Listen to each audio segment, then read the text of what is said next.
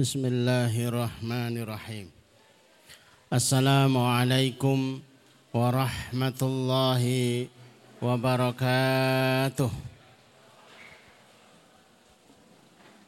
الحمد لله رب العالمين والصلاة والسلام على أشرف الأنبياء والمرسلين وعلى آله وأصحابه ومن تبعهم بإحسان إلى يوم الدين. أشهد أن لا إله إلا الله وحده لا شريك له. وأشهد أن محمدا عبده ونبيه ورسوله. لا نبي ولا رسول بعده. اللهم اشرح صدورنا وتزوس عن سيئاتنا. وهب لنا فهم الأنبياء والمرسلين. وهب لنا فهم السلف الصالح. Allahumma anfa'na bima 'allamtana wa 'allimna ma yanfa'una wa zidna ilman wa na'udzu billahi min ahwali ahli nar. Allahumma la sahla illa ma ja'altahu sahla wa anta taj'alul hazna idza syi'ta sahla. Rabbi israh li sadri wa yassir li amri wahlul uqdatam min lisani yafqahu qawli rabbi zidni ilma. Subhanaka la ilma lana illa ma 'allamtana. Innaka antal alimul hakim. Rabbana atina min ladunka rahmah wa lana min amrina rasyada. Amma ba'd Bapak Ibu jamaah sekalian yang semoga dirahmati Allah Semoga dicintai oleh Allah Subhanahu wa taala. Dengan izin Allah Subhanahu wa taala. Alhamdulillah kita disampaikan di majelis yang mulia ini dengan harapan sekian banyak yang hari ini menjadi sumbatan-sumbatan masalah dalam kehidupan kita terurai dengan izin Allah Subhanahu wa taala. Diselesaikan kemudian menemukan jawaban demi jawaban. Agar benar-benar tertanam kuat dan tertanam dalam. Bahwa Islam itu solusi.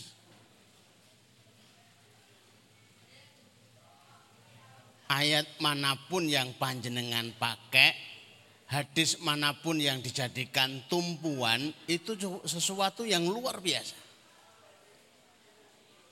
mungkin akan diinformasikan berbagai ragam dan terus akan terus akan bertambah.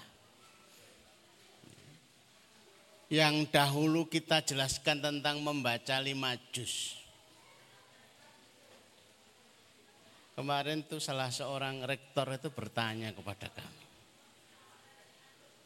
Ustaz, baca Quran itu saya sudah baca tiap hari itu satu makro, satu makro. Saya juga tahu kalau Al-Quran itu adalah mukjizat. Siapa yang kehidupannya ingin dipenuhi dengan kemukjizatan, keajaiban. Maka gunakan sarananya adalah mukjizat juga. Dan Al-Quran itu mukjizat. Tapi rasa-rasanya kok belum ada perubahan.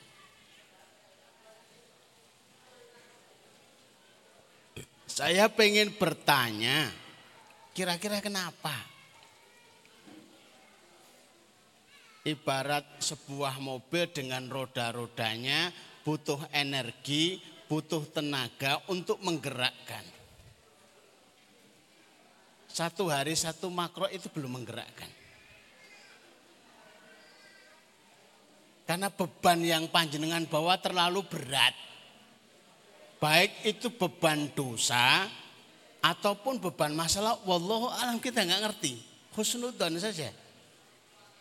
Tapi bahwa keinginan komitmen meyakini bahwa dengan salah satu syariat yang diyakini itu akan selesai itu yang luar biasa. Taruhlah Bapak Ibu itu berpegang kepada istighfar. Itu salah satu. yang harus dihadirkan dan itu paling kokoh dan paling kuat di dalam hati. Bukan masalah istighfarnya itu berapa, bukan masalah bacaan istighfarnya itu seberapa sederhana. Tidak peduli ini istighfarnya yang paling bagus, ini yang sedengan, ini yang paling sederhana. Tapi yang paling kita yakini istighfar itu adalah petunjuk Allah. Yang menyelesaikan semua urusan kita bukan istighfar. Tapi yang menyelesaikan Allah dan sarananya ya memang perintahnya ya dengan istighfar. Ya istighfar. Kalau perintahnya dengan basmalah ya basmalah. Itu yang menjadikan pengaruh besar di dalam merubah kehidupan kita. Seberapa yakin panjenengan dengan sodakoh pagi. Walaupun mampunya baru lima ribu, lima ribu. Tapi bisa akan dilunaskan hutang panjenengan. Yang diyakini adalah ini perintah Allah. Mungkin isi perintahnya belum luar biasa. Tapi yang memerintahkan itu sangat-sangat luar biasa. Saya ikut-ikutan berbahagia ketika ada seorang jamaah itu yang kemudian bercerita Ustadz. Saya ikut kajian di Jumat sore pulang komunikasi sama istri sepakat akan masing-masing membaca lima juz. Walaupun sebelumnya juga ya, tertate-tate. Tapi Alhamdulillah Ustaz, hutang kami 7 miliar selesai. Kami nggak pernah menyangka. Bukan bacaan Qur'annya yang membuat masalah panjenengan itu selesai. Tapi yang memerintahkan membaca sebanyak itu adalah zat yang maha kuasa, yang maha kaya, yang maha bisa. Itu hanya sarana saja. Nah, sore ini kita akan belajar tentang sholat istikharah juga, sarana juga. Ternyata dalam syariat ini kita kaya dengan aktifat apa ya fasilitas-fasilitas hidup yang sebenarnya hanya kurang dimaksimalkan penggunaannya. Kalau HP itu kita bisa maksimal menggunakan fasilitasnya. Fiturnya itu bisa maksimal. Tapi fitur hidup kita belum tentu maksimal. Salah satu fitur itu adalah sholat istikharah. Saya bertanya kepada seorang bapak yang rambutnya sudah memutih semua. Saya tanya, Bapak Nun Sewu Panjenengan mempraktikkan sholat istikharah itu kapan terakhir? Ekspresinya itu sambil nepuk jidat. Plek. 35 tahun yang silam. Saya nebak aja pak. Itu pas nyari jodoh kan. Loh kok tahu Ustaz? Mayoritas orang berbicara istikharah itu selalu ingatannya adalah menyempit kepada soalan jodoh. Padahal arti istikharah itu sendiri adalah minta pilihan. Karena saking bodohnya kita. Atau saking cerobohnya kita. Banyak hal di sekitaran kita itu labelnya adalah gaib. Jangankan kok lima tahun ke depan. Jangankan kok sepuluh tahun ke depan. Besok pagi saja kita nggak ngerti apa yang terjadi untuk kita. Alih-alih kita nggak ngerti, alih-alih kita itu bodoh, Kenapa enggak bertanya yang maha pinter? Alamul ghuyub yang mengetahui seluruh perkara yang gaib. Maka ciri khas orang-orang yang bertakwa ya, yang sudah kita bahas pada pertemuan sebelumnya, mereka yang disukseskan itu langkah demi langkahnya. Ada lima langkah setidaknya. Tapi yang pertama, alladzina yu'minuna bil ghaib sudah ditanam keyakinan yang dalam bahwa urusan kehidupan ini terlalu banyak yang goib. Anak saya pinter apa enggak? Goib. Anak saya juara apa enggak? Goib. Kira-kira jadi hafal Quran apa? Goib. Besok laku berapa dagangan saya? Ya goib. Mau banyak yang enggak ngerti kenapa enggak bertanya. Salah seorang manajer itu mau resign itu tanya kepada saya, Ustaz, saya mau resign, saya itu megang teh botol sosro wilayah Indonesia Timur. Apa yang saya harus lakukan? Istiqoroh. Kenapa harus istiqoroh? Orang yang tidak mau istiqoroh itu pilihannya cuma dua. Kalau enggak bodoh, ceroboh. pilihan, pilihan, dan pilihan yang tidak disertai dengan istikharah itu pilihannya kalau bukan bodoh ceroboh karena nggak ngerti urusan itu perkara gaib. Begitu dia sholat istikharah, awalnya sholat hajat karena belum ngerti yang di istikharah apa. Jawaban yang keluar buatlah toko material. Astagfirullahaladzim. Saya nggak ngerti tentang toko material. Saya nggak ada pengalaman. Saya nggak ada modal juga. Apa yang harus saya lakukan? Buatlah ya sesuai dengan sholat panjang. Kalau masih bingung ya sholat lagi. Yang kedua istikharah. Keluarnya material. Yang ketiga toko material. Ya sudah kalau sudah tiga kali ya sudah diumumkan kepada teman-temannya saya pengen buka toko material. Akhirnya berdatangan saya nyuplai pasirnya, saya nyuplai keramiknya, saya nyuplai bautnya dan lain sebagainya. Jadi Allah Akbar. Maka judulnya aja itu sebenarnya menyinggung banget ya. Istikharah itu untuk menepis ceroboh dan bodoh. Jadi kalau nggak mau istikharah ya antara dua pilihan itu. Jenengan itu bodoh apa jenengan itu ceroboh. Ya orang pengen dua-duanya. Maka istiqoroh lah. Jadikan itu membiasa. Jadi pergi apa tidak jadi pergi istiqoroh. Jadi menikah apa tidak jadi menikah istikharah. Milih si A apa milih si B istikharah milih rumah ini atau milih rumah itu istikharah. Tanahnya mau dijual atau mau ditahan istikharah. Ini kok ada yang nawar sekian. Dilepas apa enggak? Istikharah. Mobilnya itu mau diganti atau masih setia dipakai istikharah. Dijual dengan harga yang istikharah. Kok ada yang nawar sekian dikasihkan apa? Istikharah. Demi untuk memahamkan kita semua alangkah butuhnya kita dengan istikharah dalam seluruh segi kehidupan. Ini kalau paham betul tuh kayaknya kita itu istikharah tiap hari gitu ya. Tapi ya nggak perlu ibu-ibu curiga. Istikharah tiap hari ya iku arep golek sing pire, muda sing piye. Urusannya banyak kok. Mari kita lihat nanti keburu habis waktu tahu sudah ada surat peringatan. Ceroboh dan istikharah. Karena kita nggak tahu.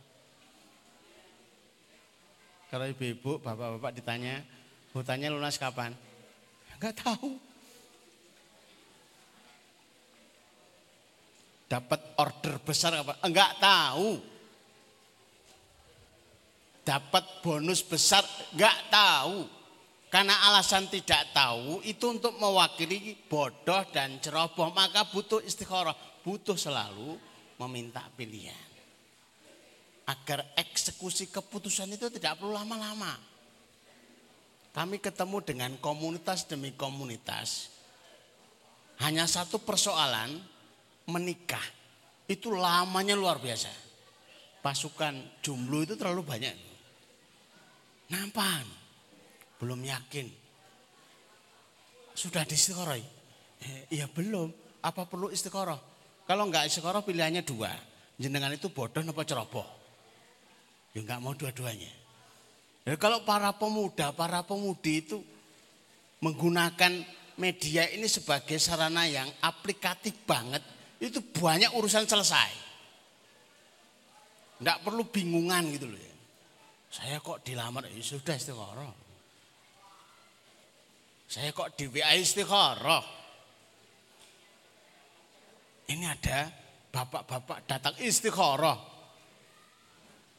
Tapi dia itu penjual asongan, ya enggak usah. Dua, malu bertanya itu sesat di jalan. Long Allah sudah ngasih kesempatan. Syariatnya sudah ada, tapi nggak mau menggunakan. Alamat sesatnya itu hampir setiap saat. Sesat kok langganan gitu loh. Milih tanah ya keliru. Milih rumah ya keliru. Milih tukang ya keliru. Milih pekerjaan ya keliru. Lalu kok langganan. Apa jenengan itu nggak punya alat yang mengantisipasi dari sebuah kesalahan. Mengantisipasi dari sebuah ketersesatan. Gunakan. Bapak, Ibu, mari ajakan untuk kami, ajakan untuk Bapak, ajakan untuk Ibu. Biasakan dan jadikan itu sebuah sesuatu yang sangat-sangat digemari bahkan menjadi sesuatu yang ya menjadi favorit. Sementara ini sholat istiqoroh itu kalah sama HP. Kalau butuh apa-apa yang, yang dicari itu HP. Cik tak tekok karo. Coba jenengan lihat di Facebook itu banyak yang bertanya. Ada yang tahu begini enggak? Ada yang usul keputusan begini enggak? Ada yang Facebook itu nggak ngasih jawaban tepat. Itu cuma alat.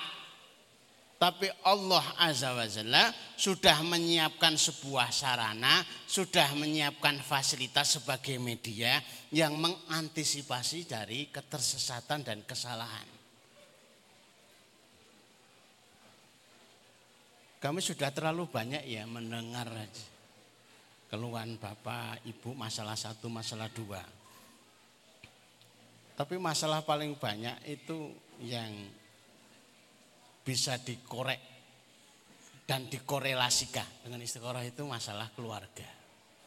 Suami saya begini, istri saya begini. Saya bertanya dulu sebelum berlanjut. Waktu panjenengan akan menikah. Dulu istiqoroh apa enggak? Nah, itu saat pokoknya ayo wes ngono Pokoknya saya tertarik ya wes gitu loh. Karena kita tidak melibatkan Allah. Kemudian ada masalah mencari Allah. Ya itu sudah bagus. Tapi punya masalahnya itu ya wajar.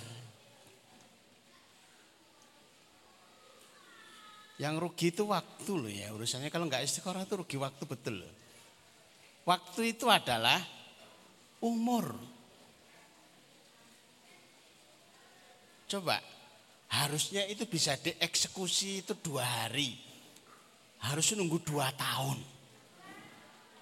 Harusnya di, bisa dieksekusi satu minggu.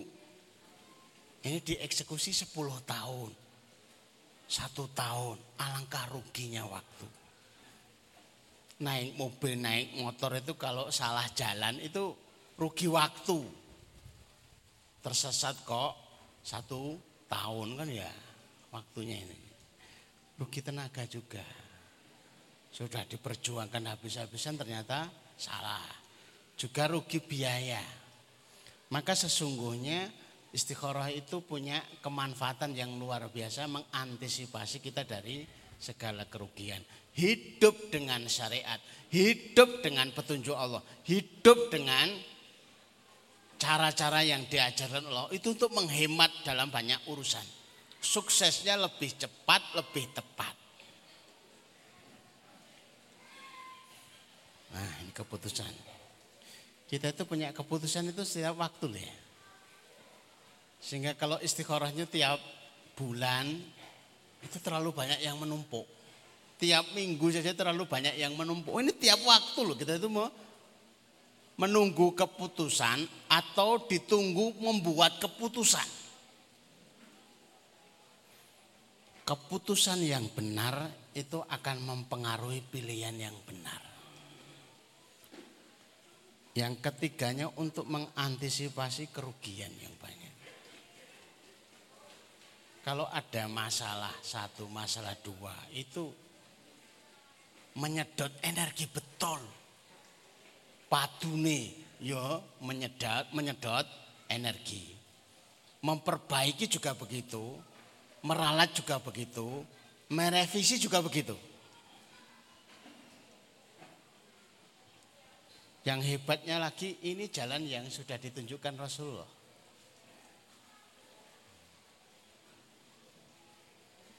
Bukan semata-mata ini adalah jalan yang terbaik mengikuti Rasulullah, tapi juga secara kebermanfaatan sangat-sangat bermanfaat.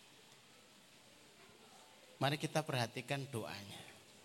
Sekaligus dengan maknanya karena waktunya sudah mendekati maghrib. Sholat dua rakaat. Sebenarnya kami tuliskan urutan cara sholat istikharahnya. Mau siang hari ya boleh, malam hari ya lebih baik. Tapi kapan saja silahkan. Sholatnya dua rakaat sebagaimana sholat biasanya. Kayak sholat rawatib, kayak sholat duha. Cuma ini lebih spesifik. Rekaat pertama sholatnya itu pakai surat kuliah ya ayuhal kafirun. Rekaat kedua kul wahad. Kok ada yang mengeluh saya belum hafal ya sudah pakai alif lamim. Yasin. Ada enggak yang lebih pendek? Banget ini kok. Yasin jadi tawar. Kof Allahu Akbar. Ya, kulhu. Kul ya ayyuhal kafirun. Kul ahad. Itu kan sudah sangat-sangat familiar dan pendek banget.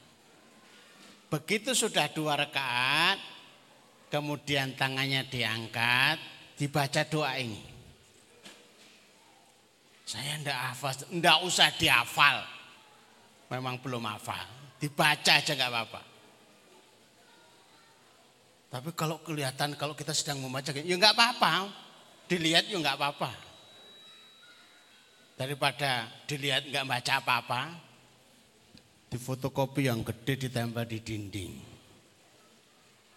Kalau perlu di MMT gede gitu. Isinya ini. Allahumma ini astakhiruka. Ya Allah, aku meminta pilihanmu Astakhiruka bi ilmika. Aku meminta pilihanmu dengan ilmumu ya Allah. Dengan pengetahuanmu ya Allah. Bukan dengan ya ilmu kita. Bukan dengan pengalaman kita. Berusaha untuk sadar sesadar-sadarnya tidak menyerahkan urusan pada dirinya sendiri walaupun urusan itu sudah sangat-sangat diketahui jelas aku ngerti beng apa tuh ngerti bener urusan tapi ya memang diserahkan kepada Allah dilibatkan Allah dalam urusan itu wa astakdiruka dan aku meminta takdirmu ya Allah di sinilah kita faham la ya, la yarudul qadha tidak ada yang bisa menolak ketentuan tidak ada yang menolak takdir, merubah takdir itu kecuali doa. Karena ada bunyinya begini. Astagfiruka aku minta pilihanmu, aku juga minta takdirmu. Andai kata itu belum sesuai dengan keinginan kami tapi minta takdir itu bisa dibelokkan, diarahkan. Wa as'aluka min fadlikal adhi min fadlika dan aku meminta dari anugerahmu fa innaka takdiru wala aktiru wa ta'lamu wala a'lamu wa anta allamul ghuyub ya Allah engkau maha menentukan. Kami tidak bisa menentukan. Engkau maha tahu, kami tidak tahu. Engkau lah yang maha mengetahui perkara-perkara gaib. Itu baru kemudian kita masuk pada urusannya. Allahumma in kunta ta'lamu anna hadal amro. Ya Allah jikalau engkau mengetahui tentang urusan ini. Jadi cara mengistiqorohkan itu bukan kalau itu ada yang lamar tiga terus tiga tiga tiga tiganya diistiqorohkan bukan, tapi satu satu. Apakah ini cocok ya Allah? Kok belum ada tanda-tanda? Yang kedua dinaikkan. Apakah ini cocok ya Allah? Kalau sudah, apakah yang ketiga ini cocok ya Allah? Jadi satu-satu. Dan jangan cenderung dulu. Ya Allah, mana ya Allah? Yang A, yang B atau yang C. Tapi kalau bisa kira-kira yang D saja ya Allah. Ini kok ngawur? Lo kok sudah menentukan? Minta pilihan kok menentukan. Allahumma in kunta ta'lamu hana hadzal amra ya Allah jikalau engkau mengetahui tentang urusan ini baru disebutkan. Membeli mobil, menjual mobil, membeli tanah, menjual tanah, memilih jodoh A dan lain sebagainya. Itu pakai bahasa Arab. Nusammihi bi aini. Kemudian disebut masalahnya khairul li khairal li fi ajili amri wa ajli itu baik untukku dalam waktu dekat dan dalam waktu jauh karena nggak ngerti urusan itu gaib maka diminta jarak dekat dan jarak jauhnya jikalau itu baik untukku ya Allah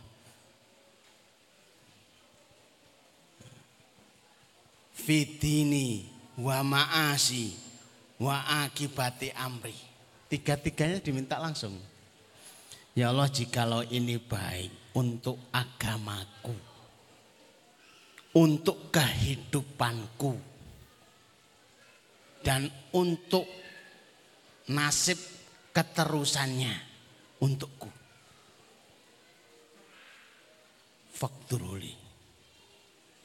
Wayasiruli Thumma barik lifi. Yang diminta tiga. Ya Allah takdirkan untukku. Mudahkan untukku.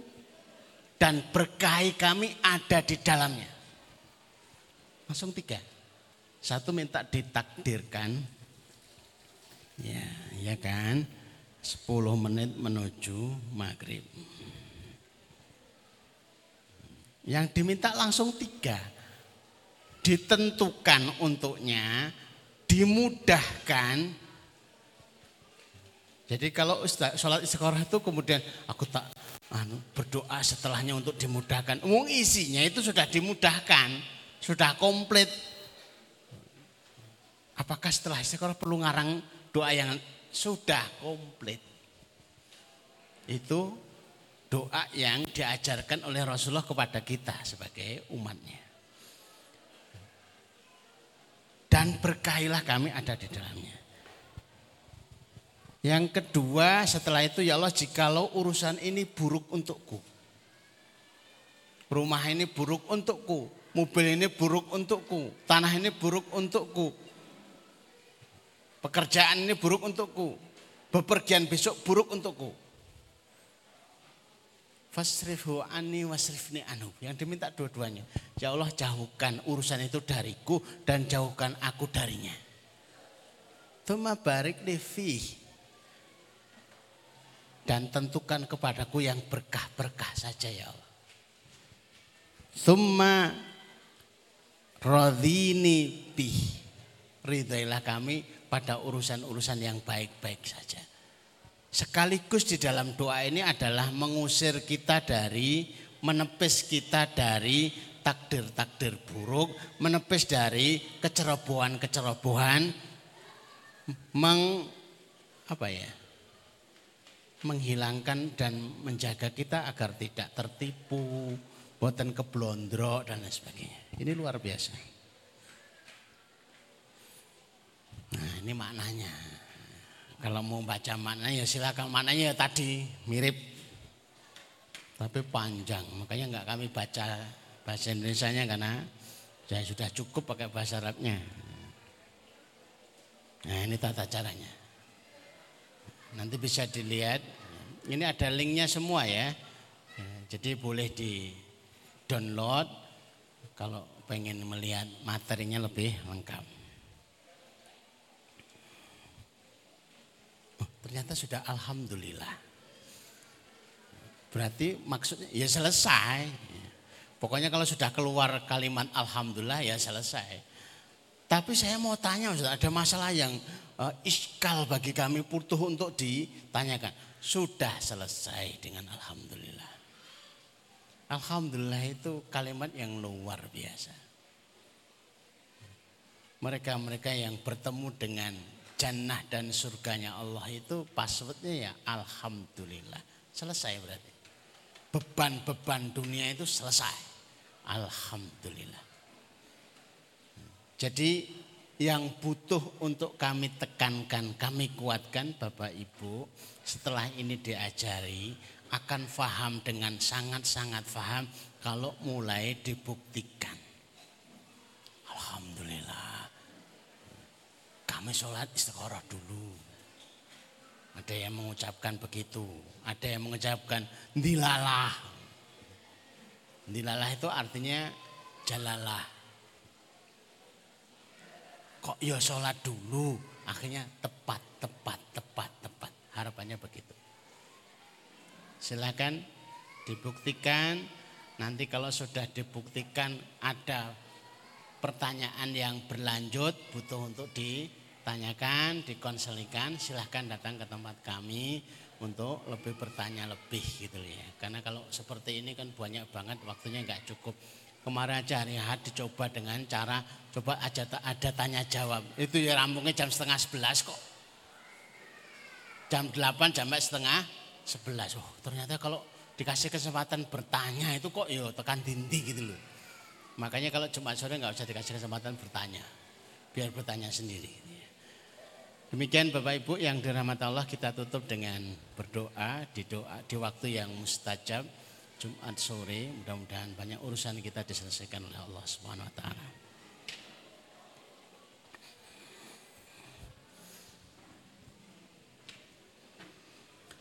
Bismillahirrahmanirrahim.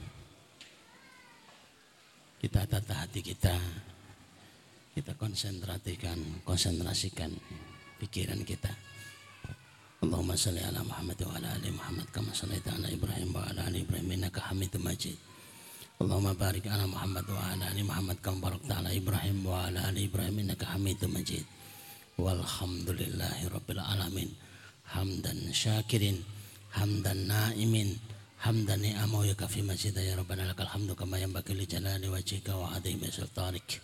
Bismillahirrahmanirrahim. Alhamdulillahi rabbil alamin. Ar-Rahmanir-Rahim. Maliki yaumiddin. Iyyaka na'budu wa iyyaka nasta'in. Ihdinas siratal mustaqim. Siratal ladzina an'amta 'alaihim ghairil maghdubi 'alaihim waladdallin. Amin. La ilaha illa anta subhanaka inni kuntu minadh-dhalimin La ilaha illa anta subhanaka inni kuntu minadh-dhalimin La ilaha illa anta subhanaka inni kuntu minadh-dhalimin Allahumma ya Rahman ya Rahim. Ya Hayyu ya Qayyum Ya Dzal Jalali wal Ikram. Allahumma ya Rahman ya Rahim. Ya Hayyu ya Qayyum ya Dal Jalali wal Ikram. Allahumma ya Rahman ya Rahim. Ya Hayyu ya Qayyum ya Dal Jalali wal Ikram. Allahumma sahilu umuruna wa sahilu umura usratina wa sahilu umura walidaina wa sahilu umura jami'il muslimin. Ya Allah mudahkan urusan-urusan kami. Ya Allah mudahkan urusan keluarga kami Ya Allah mudahkan urusan kedua orang tua kami. Ya Allah mudahkan urusan keluarga-keluarga muslim. Allahumma barik lana fi ahlina wa barik lana fi amwalina wa barik lana fi makasibana wa barik lana fi awqatina wa amalina ya rabbal alamin. Ya Allah berkailah waktu kami. Ya Allah berkailah keluarga kami. Ya Allah berkailah harta-harta kami. Ya Allah berkahilah usaha-usaha kami. Ya Allah berkahilah umur kemur kami birahmatika ya arhamar rahimin. Allahumma inna nas'aluka min khairin ma min nabika Muhammad sallallahu alaihi wasallam wa na'udzubika min syarri ma min nabika Muhammad sallallahu alaihi wasallam. Antal musta'an, alaikal balag, wala haula wala quwata illa billah. Ya Allah, sesungguhnya kami memohon seluruh kebaikan yang pernah dimohon oleh Nabi kami sallallahu alaihi wasallam. Ya Allah, sesungguhnya kami meminta perlindungan dari seluruh keburukan yang pernah diminta perlindungan itu oleh Nabi kami Shallallahu Alaihi Wasallam.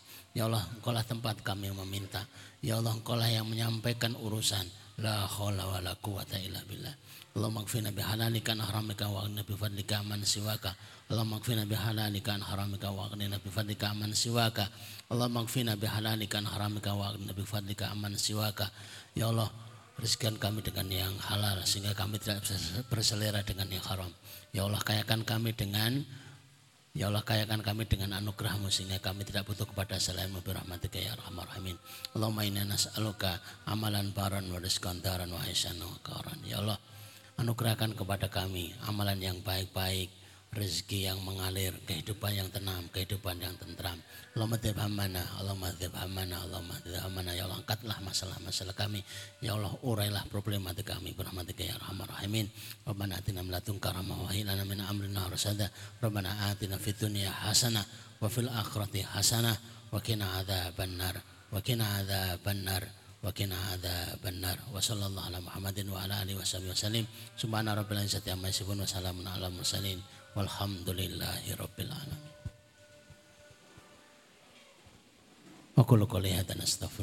Assalamualaikum warahmatullahi wabarakatuh.